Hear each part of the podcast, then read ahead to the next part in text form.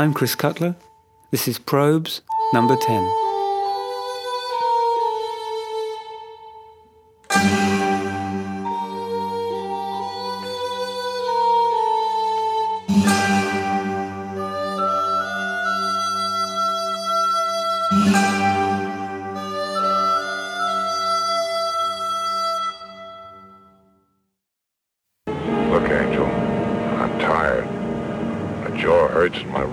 I killed a man back there, and I had to stand by while a harmless little guy was killed.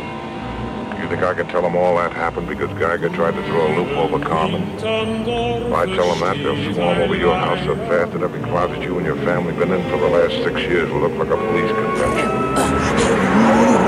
They'll all ask the same question. Where's Sean Regan? Why did to fight about to make she ran off with him? Why did find out? Алексей Кручев. Чипурдир.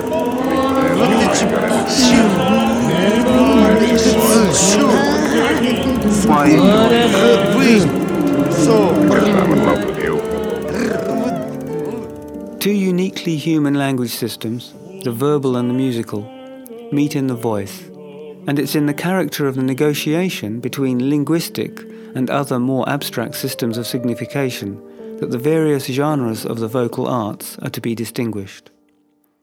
Where Gregorian chant, for instance, and epic rhapsody take great pains to privilege their texts, opera and classical lieder seem perfectly happy to sacrifice verbal comprehension for enhanced musicality.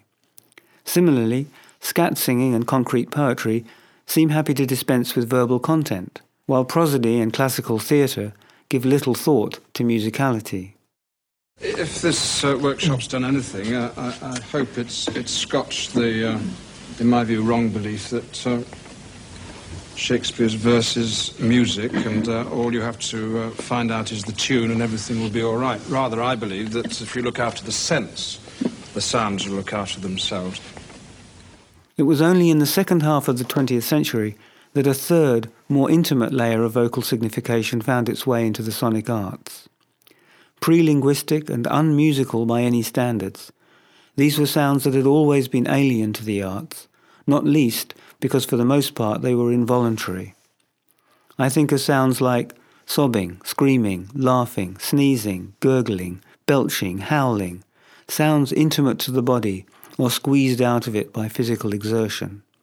Then there are the feral, animal, and mimetic sounds, and sounds that are simply possible to make, but have no animal or human context.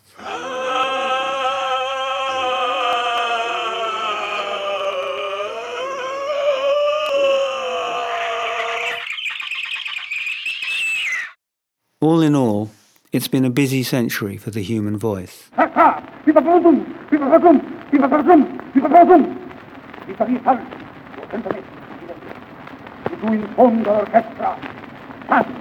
guattare, vuoi, bufoli, fungoli, carri, il top, il pennarti cavalli, zig zag, ding ding, ah, ah, tirano i triti, ding, ding, ding, tre battaglioni bulgari in marcia, oh, ah, oh, ah, tu mi marito, oh, arcavena, ta ta ta ta. Ta, ten, tu tu, 280 colpi in partenza, grrrr, gran gran, colpi in arrivo, tu, come piatti qua, là, bim bum, su su, sulla testa, attenzione, ciao!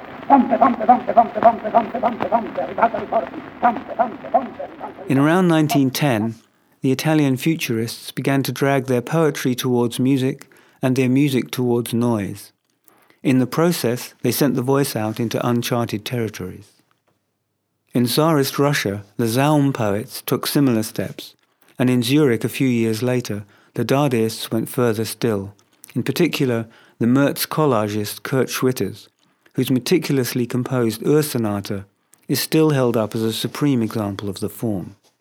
A substantial composition in four movements, the Ur Sonata is about 30 minutes long, and by extraordinarily good luck, South German radio had Schwitters record a substantial chunk of it in 1932 so for once, we don't have to speculate about how this otherwise only written text was meant to sound. Here's the first movement, the allegro.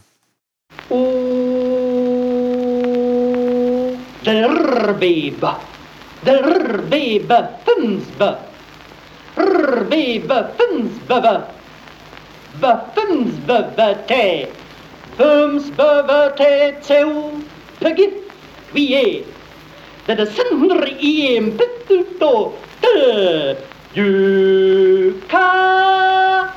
Rintzak de baby hinskermu, tiu hintzet rinskermu, Rakete de baby.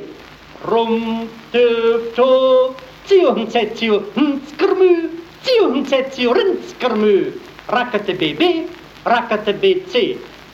Fums u C T V Bums. 오, 비, 비, 비, 비, 비. 오, 치, 치, 치, 치, 치. 오, 른차까차 비, 비. 오, 음, 차.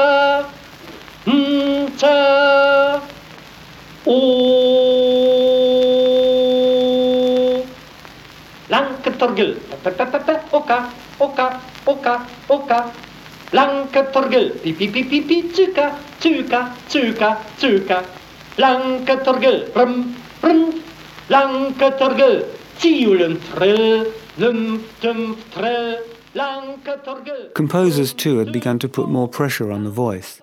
In particular, Arnold Schoenberg in Vienna, who in 1912 challenged both conventional singing and standard tonality when he animated his already difficult song cycle Pierrot Lunaire, with Sprechstimme.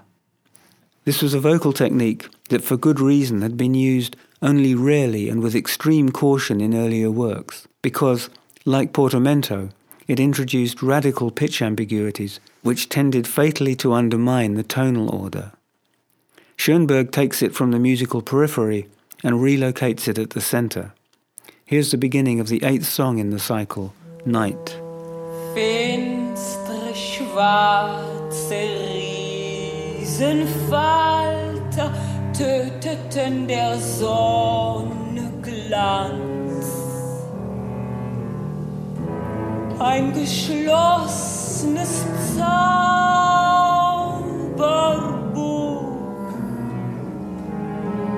ruht der Horizont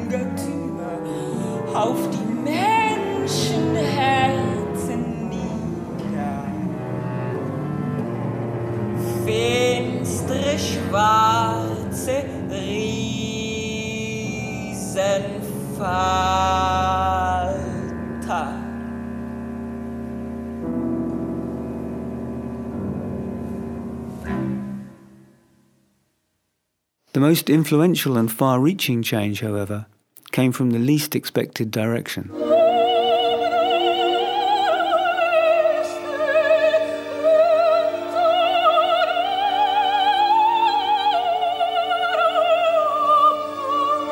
Public and social singing had always been defined by the need to project. From church to opera, bel canto to music hall, the voice was first and inescapably confronted with acoustic spaces that it had to fill. Choirs were the obvious solution for larger environments, but after the creation of opera, in which dramatic form obliged individuals to carry the musical burden, new vocal techniques evolved which enabled singers not only to fill ever larger public auditoria, but also to be heard above increasingly expanded instrumental ensembles. So, what we now know as the operatic voice was a highly unnatural and highly formalized response to a very practical problem, offering a singing solution in contexts for which other, more intimate, and one has to say, more versatile forms of singing would fail for simple lack of power. A textbook case of the survival of the loudest. I'd like to propose a simple evolutionary rule here, one which can be universally applied. It's this. Instruments, performance techniques, and all the forms that music can take have no choice but to evolve in lockstep with the exigencies, on the one hand, of the physical spaces in which they have to operate, and on the other, the necessities of their social function. That's why they vary so widely between cathedrals, drawing rooms, dance halls, and battlefields. In the real world, space is absolute. So imagine the existential confusion created by the invention of sound recording. Suddenly, there's an unnatural and unprecedented environment to deal with in which, beyond the few centimetres between a singer's lips and the recording ear, there is no physical space to fill. And when it comes to matching other instruments, engineers quickly discovered that by the simple expedient of locating a singer very close to, and everything else at varying but greater distances from the recording ear, any voice at all could be made audible above any kind of accompaniment. In other words, in the recording environment, real world acoustics no longer determine the way sounds have to be produced, or the kind of music that can be made. In fact, recording was an entirely alien ecosystem in which a whole set of new and unknown laws had to be discovered.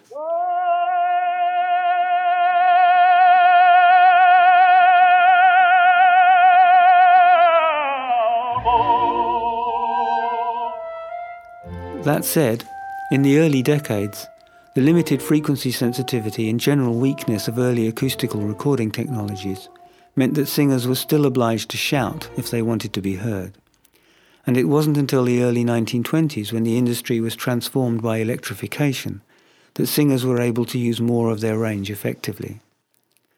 It wasn't just that the electric microphone was more sensitive than the acoustic horn, but also that its work was no longer to transmit physical energy directly to the cutting head. An intermediate state was interposed between source and disk, in which the mechanical energy of the incoming sound was transformed into a stream of electrical data. And in this form, the captured information no longer answered to acoustical or mechanical laws, but could be processed and altered electronically according to the very different laws that governed electron flow. In addition, Electrical recording was no longer tied to the single monophonic ear, but could listen with multiple ears, all of which could be modified and integrated before the final signal was converted back to physical and therefore audible sound. The quietest whisper was now as recordable as the loudest scream, and as easily heard, even on top of an orchestra going at full tilt.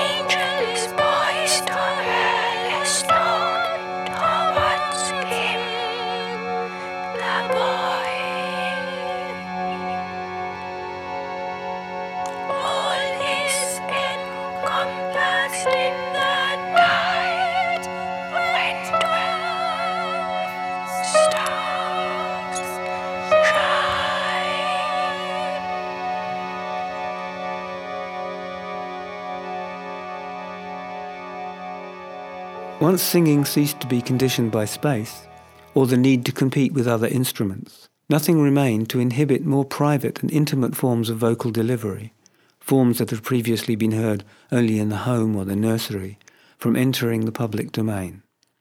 Crooning was born as the direct offspring of the electric microphone, and it brought an entirely new spectrum of harmonics and sonorities into the art of public singing. Just to mark the contrast, Here's Maria Callas, diva of the battling operatic voice, slightly exaggerated for effect here by the turntablist Christian Marclay.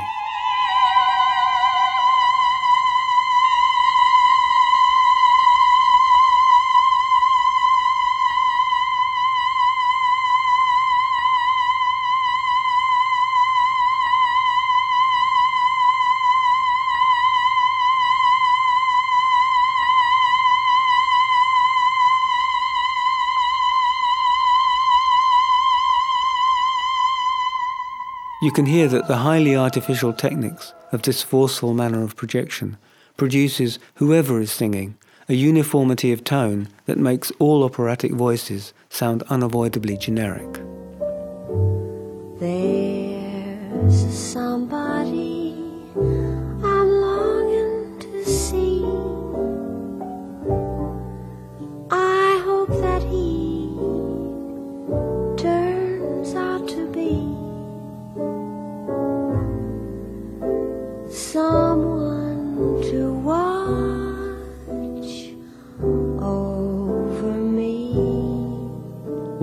this more intimate form of address rather accentuates the expression of personality. I plan to look more closely at this phenomenon and its consequences in a later program, so now I simply want to establish the idea that this form of symbiotic negotiation with an unfamiliar technology is not something given, but rather constitutes an important new technique. Crooning didn't consolidate something already in existence. It had to be discovered, investigated, and internalized. The first crooners had to learn the best way to address a microphone. They had to learn the mechanics by which the accentuation or suppression of particular vocal qualities, or even the maintenance of an even tone across different registers, could be achieved through the regulation of distance. They had to learn to avoid pops and breath noise and to suppress unfocused movements. And above all, they needed to find and refine the phonogenic voice that was uniquely theirs. I know crooners are often dismissed as lazy or lucky, but it took imagination and a lot of experience to solve these problems and break with a lifetime of habit. Again, for the record, here's one early example. This is Willard Robison singing The Devil is Afraid of Music. It's his own song, and as you'll hear, he's singing it not at, but to you. It was my good fortune to be down in Mississippi up on revival day. Heard a deacon tell his little congregation, listen while I say, when temptation comes to you to do the things you shouldn't do Sing a song, you won't go wrong. It will pull you through. The devil is afraid of music. Sing, brother, sing. When you feel them hanging round sing, brother, sing. Now don't nobody ask to be excused.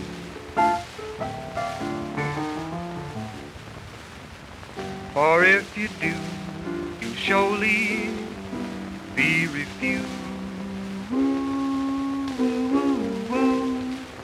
To the joys of harmonizing, cling, brothers, cling You never know the joy that you may bring.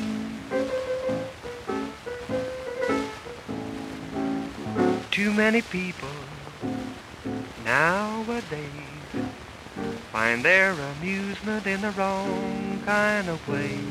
The devil is afraid of music.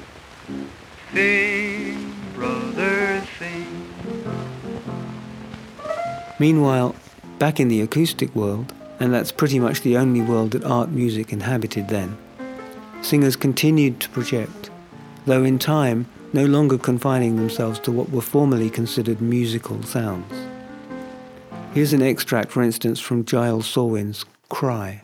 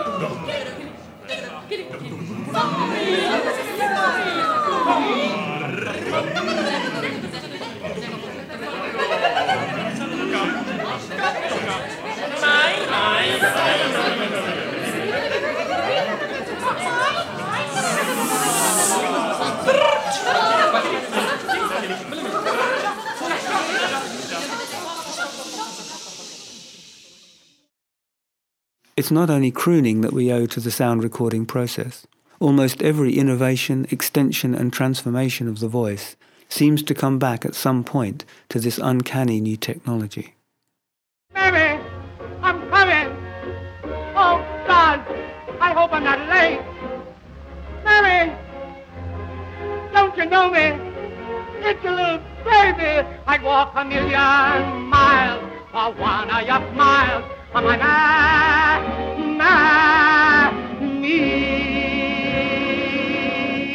In 1929, Hollywood's first talking feature, The Jazz Singer, showcased an old vaudevillian singing in classic music hall style.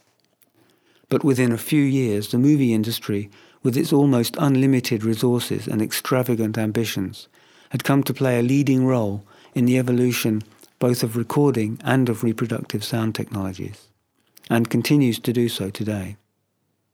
Actors, like singers, had to adapt quickly to the new medium, learning in particular to address individual listeners rather than imaginary auditoria, since in the intimacy of the cinema, declamation, which had been the lifeblood of the theatre, seemed false, even grotesque.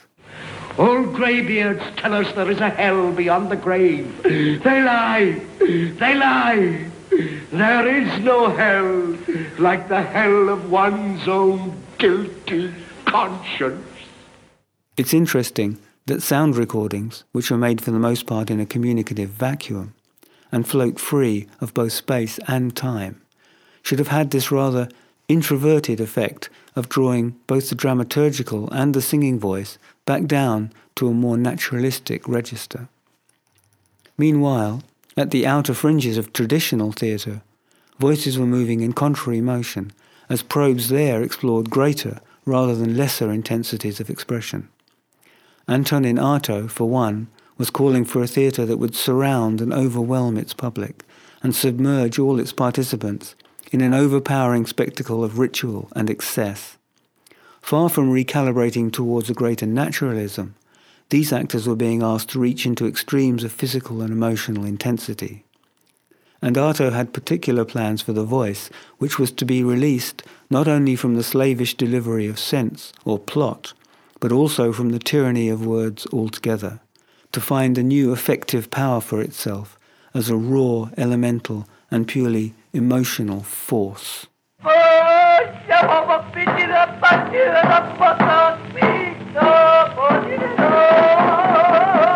Shortly after the Second World War, which Artaud had spent in a series of mental asylums, the National Radio in Paris asked him to produce a radio work for its new series, The Voice of the Poet. His contribution was recorded in November 1947, and nothing like it had ever been heard on the radio before. Nor would it be. The station declined to broadcast it, after which it lay on a shelf unaired for the next 30 years. It wasn't until 1968, 20 years after Artaud's death, that it finally got a public hearing. Yet in its onomatopoeia, glossolalia, and abandoned howling, it anticipated much that was to happen to the voice in every discipline of art over the following decades, especially on that increasingly porous border that separated therapy, poetry, theatre, and music. Here's a short extract from Artaud's prescient radio recording, To Have Done with the Judgment of God.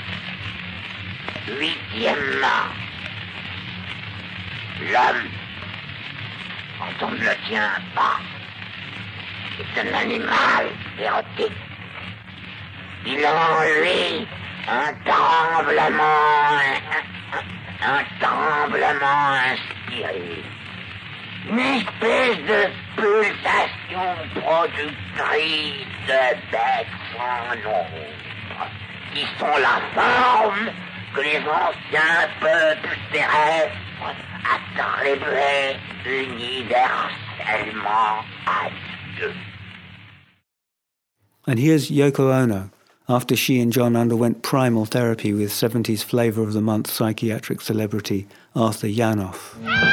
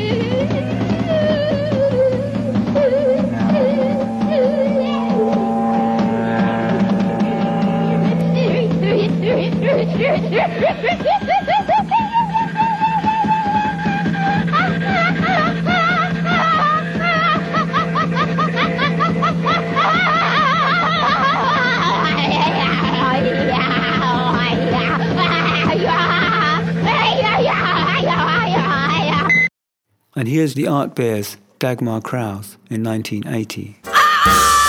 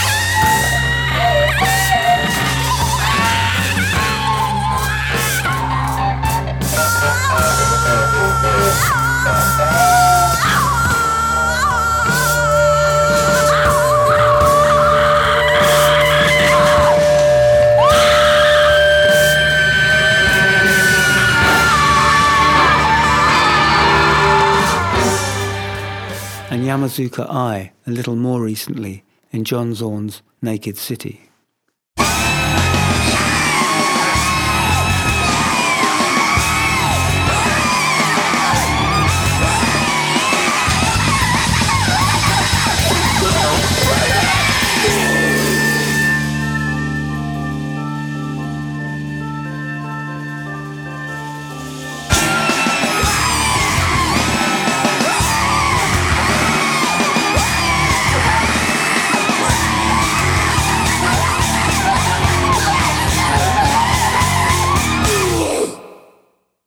In the same year that Artaud produced his radio piece, the South African actor Roy Hart moved to London and began his studies with the highly unorthodox voice trainer Alfred Wolfsohn. Wolfsohn had come to Britain in the 1930s as a refugee from Germany and had brought with him ideas about the voice that were partly philosophical, partly psychological, and partly theological. The constraints of gender he had dismissed entirely asserting that any voice could be trained to produce a huge range of pitches up to eight octaves. And he believed profoundly that opening the voice to all the sounds that it could make, ugly as well as beautiful, animal as well as human, would not only have great therapeutic value, but would also greatly extend the expressive power of actors and singers alike. Here are some fragments from Wolfsohn's recording The Human Voice, made sometime after 1953.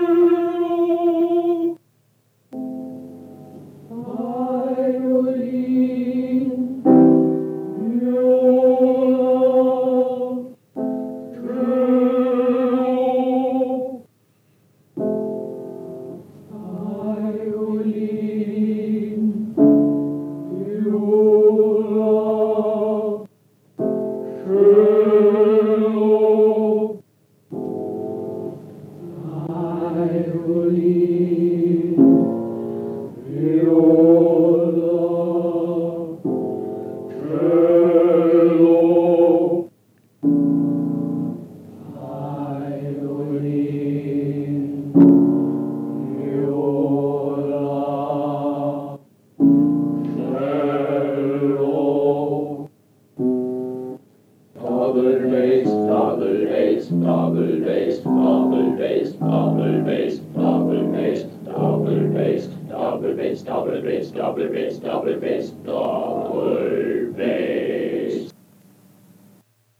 this is from a private recording made by Roy Hart in 1964.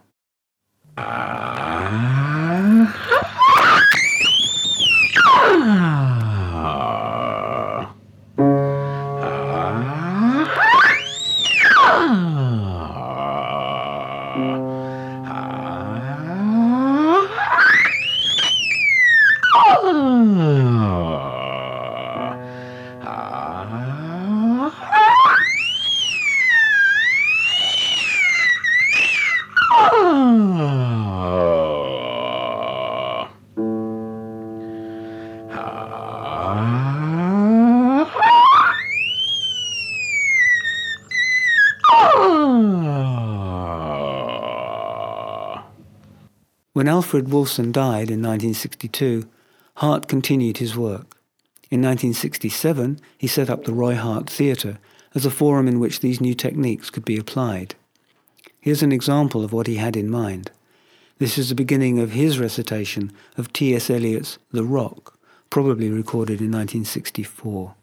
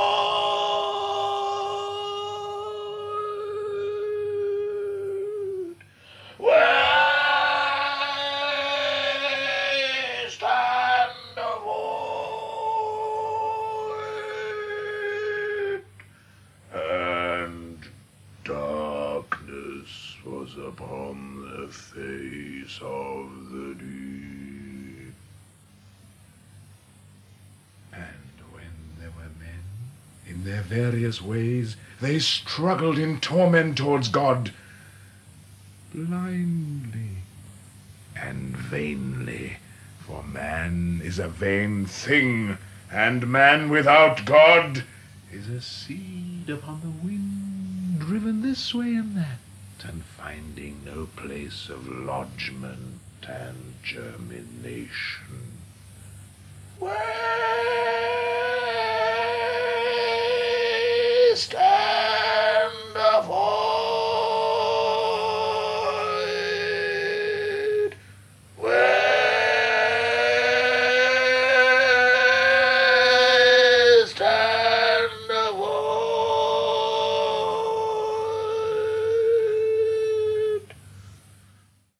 general, it has to be said, these probes were having very little direct effect on actors and singers out in the wider world. In part, perhaps, because a lack of persuasive applications had just left them floating free. But in 1968, two major European composers wrote important works specifically to exploit Hart's extended vocal range. Hans Werner Henze wrote Versuch über Schwein, Essay on Pigs, and Peter Maxwell Davies produced his monumental Eight Songs for a Mad King. These two works finally brought Hart and Wolfsohn's methods into the mainstream, but the mainstream of music and not, as they had thought, of theatre. Here's Hart himself from Henze's 1968 essay on pigs.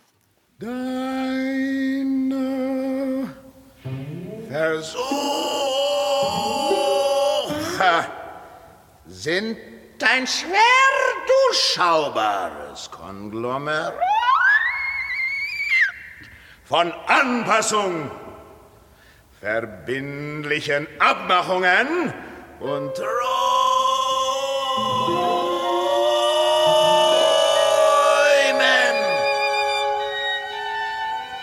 Sehr unterschiedlich.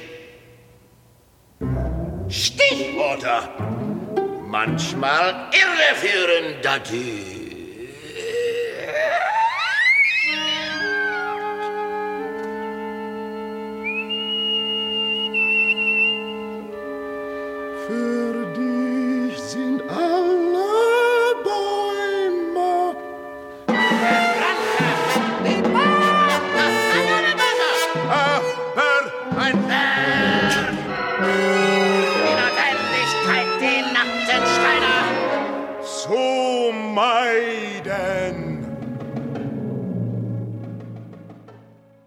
Here's the baritone Julius Eastman singing part of Davies's Eight Songs for a Mad King, just one year after its premiere with Hart.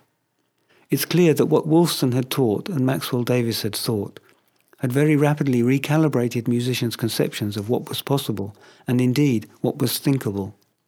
Eight songs, once it existed, was just a score like any other, albeit a demanding one, and the techniques it called for, although novel, were obviously just techniques, which given sufficient application could be painstakingly learned and copied.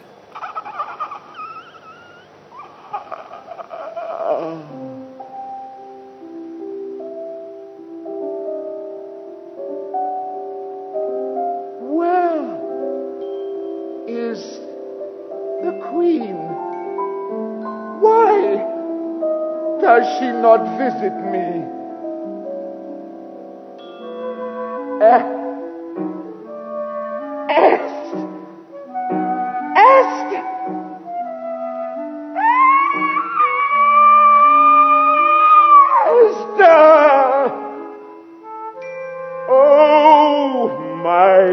my heart!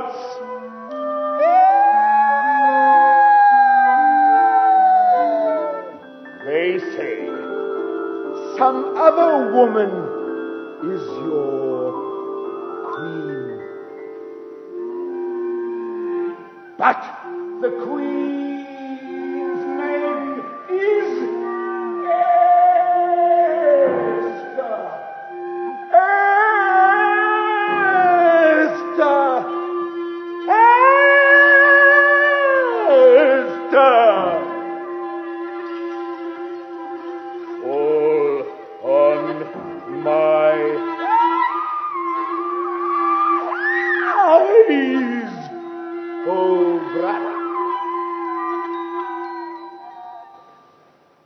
By this time, however, we're talking about the late 60s now.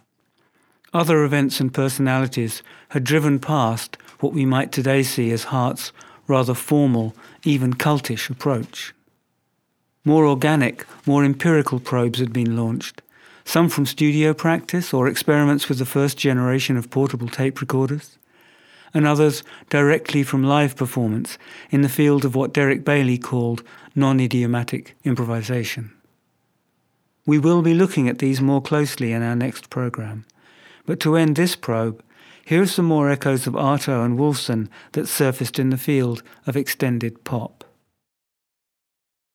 This highly distinctive technique emerged from the Czech underground in the 1960s and 70s, where not one, but almost every male singer seemed to be channeling their inner bear. This example is by accordionist Jim Čert, but I could have chosen from any number of bands and singers.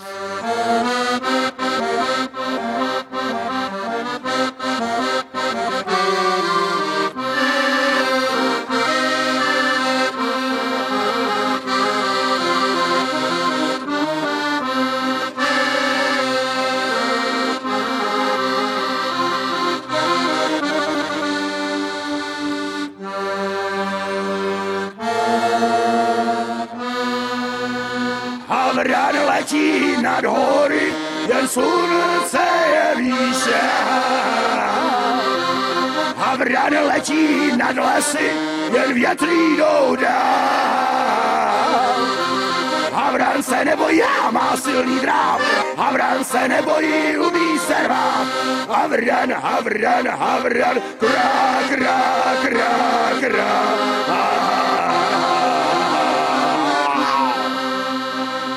Krá, krá, krá.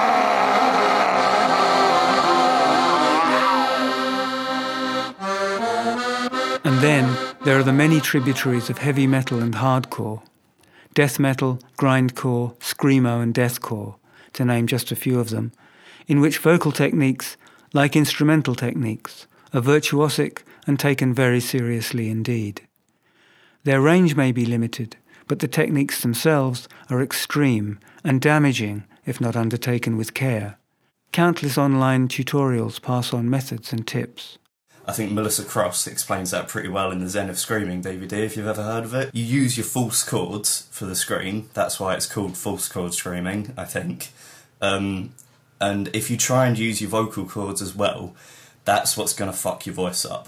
Because you, I think there's a bit where she explains where um, your vocal cords kind of sit together really nicely, like this and the more you scream and the more you damage them and if you're going out on tours like week after week or something doing it every day wrong then eventually they're going to kind of sit together like this and not really not really work anymore. And uh, that's how you fuck your voice up. And you got to use your diaphragm which is this muscle kind of just below your rib cage. I don't know if it's on the camera or not.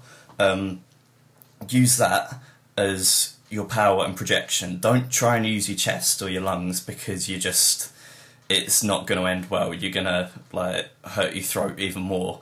Taken together, these musical genres are a home to a broad cluster of extended techniques, which comprise a nuanced range of inhaled and exhaled vocal forms, including death growls, grunts, pig squeals, shrieking, false chords, gutturals, and gurgling although it's not always clear which technique is in play in which song, since understandings can differ and the techniques themselves sometimes blur together.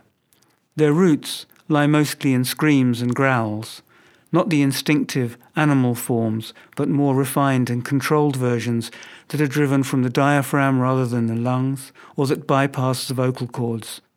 Most distinctively, these genres have brought a wide range of inhaling techniques into the Western song form, in which sounds are produced while air is being sucked into the lungs rather than while it's being expelled from them. Here's Ed Vita's explication of three of the non screaming techniques. Growl.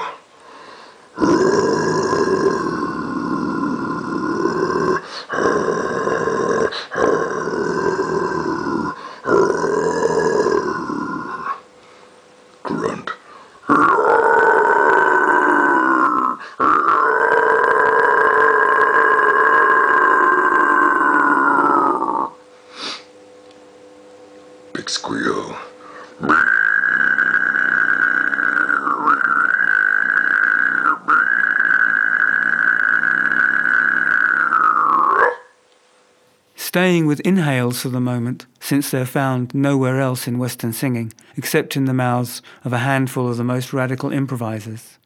I'll play four varieties of pig squeals.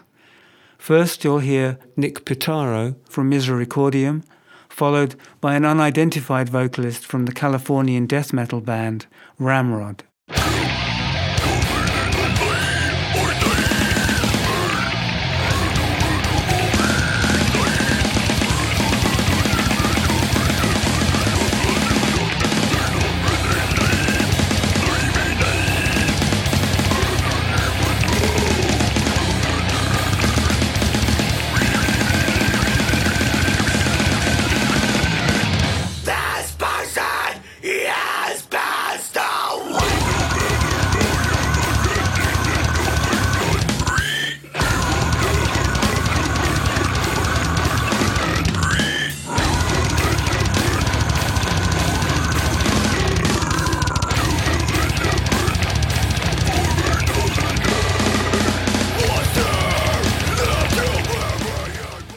Goddamn liter of cola. I don't know what that is.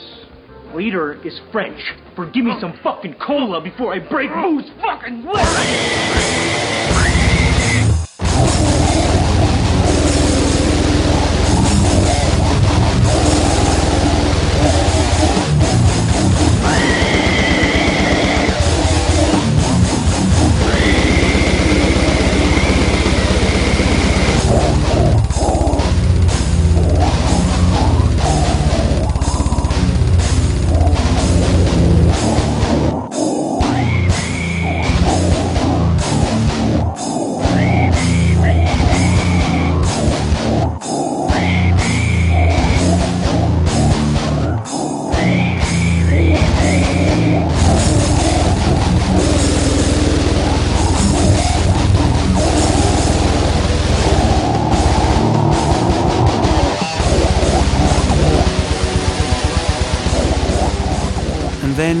Indonesia, Duku Nkok, which seems to be the project of an online duo.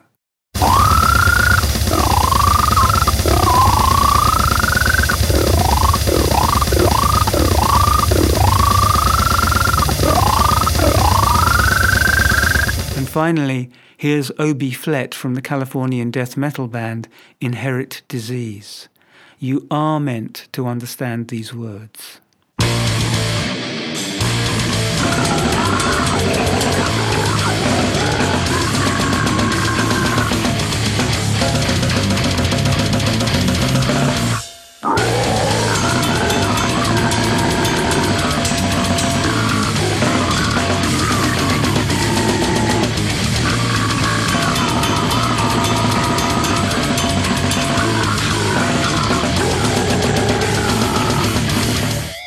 This is a death growl. The singer here is Cameron Argon, aka The Big Chocolate, and the song is taken from his album Disfiguring the Goddess. Here we touch on a tricky subject because while most of our examples come from bands who just play this way and are understandably protective of their physical skills, Cameron for this project works alone, or rather, he works with a computer not only playing, but also programming and enhancing his parts, which means that nothing can be taken quite at its face value, including the voice.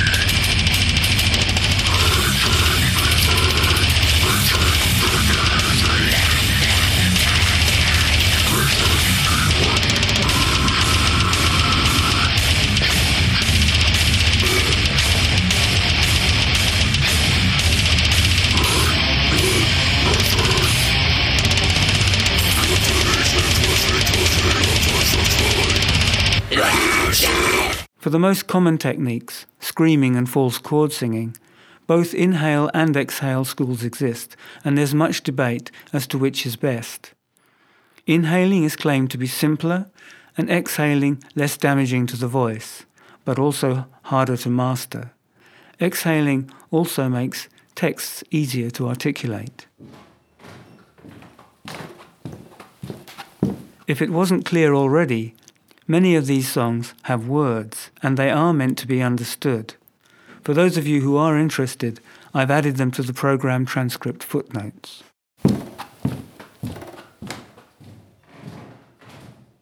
Here are two examples. First, Rhys Giles from the Australian band Resist the Thought. He's inhaling.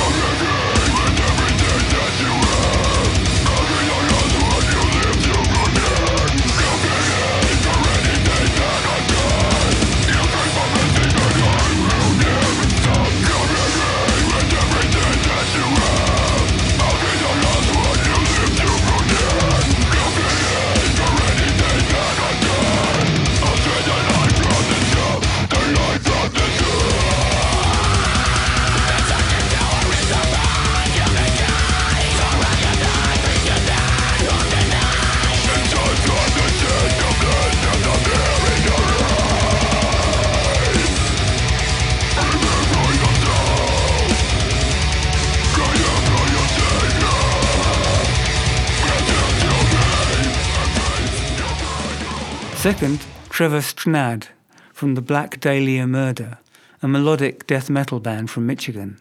He's exhaling.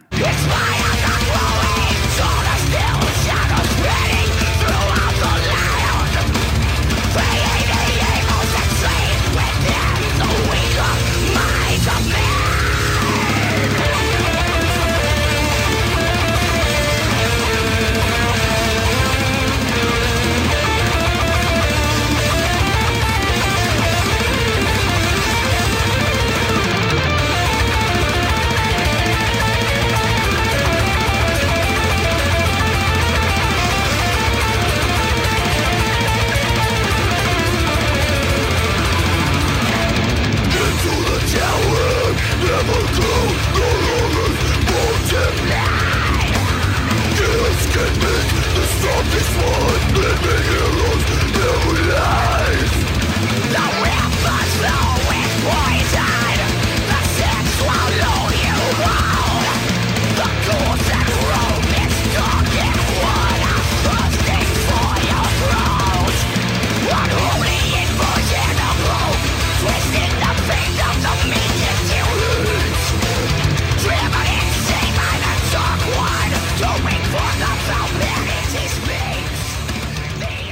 And this is not just a boys' game. As Alfred Wolfsohn insisted, women can find the same ranges in their voices, and there are many in this field who do. Here's Angela Gossow, for instance, from the Swedish death metal band Arch Enemy. We walk with fire in our hands,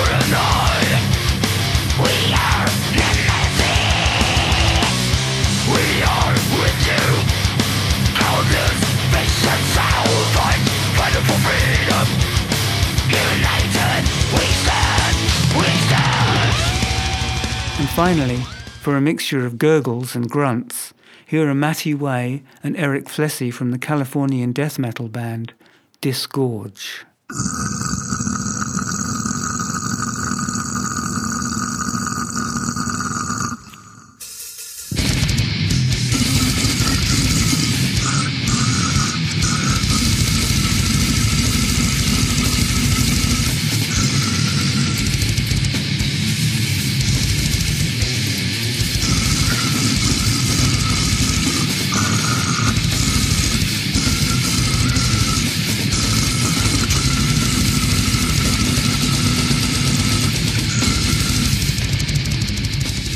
Although these genres are typically dismissed and ignored by most commentators, indeed by most people who consider themselves to be musical, they have a massive presence. There's a vast number of bands and the audience is huge and global. From Armenia to Venezuela, annual festivals attract stadium-sized audiences.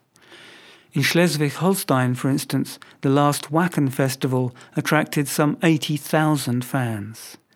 It's also a field that has consistently valued technical prowess and pushed it to extremes, all the way back to its roots in the 1960s. Yet for virtually all adult musicological discussion, it's either invisible, ignored, or actively reviled. Something interesting is going on here, and perhaps we should pay more attention. I'll give the last word to Angela Gossow. This is from a live recording made at the Download Festival in 2005.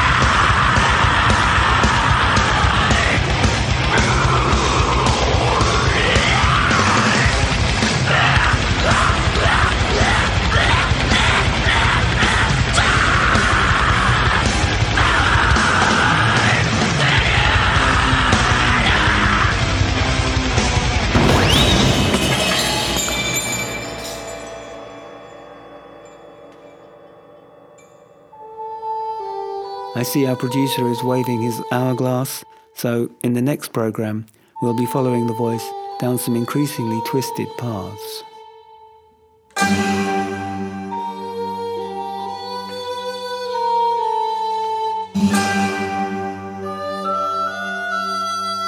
I'm Chris Cutler. This has been Probes.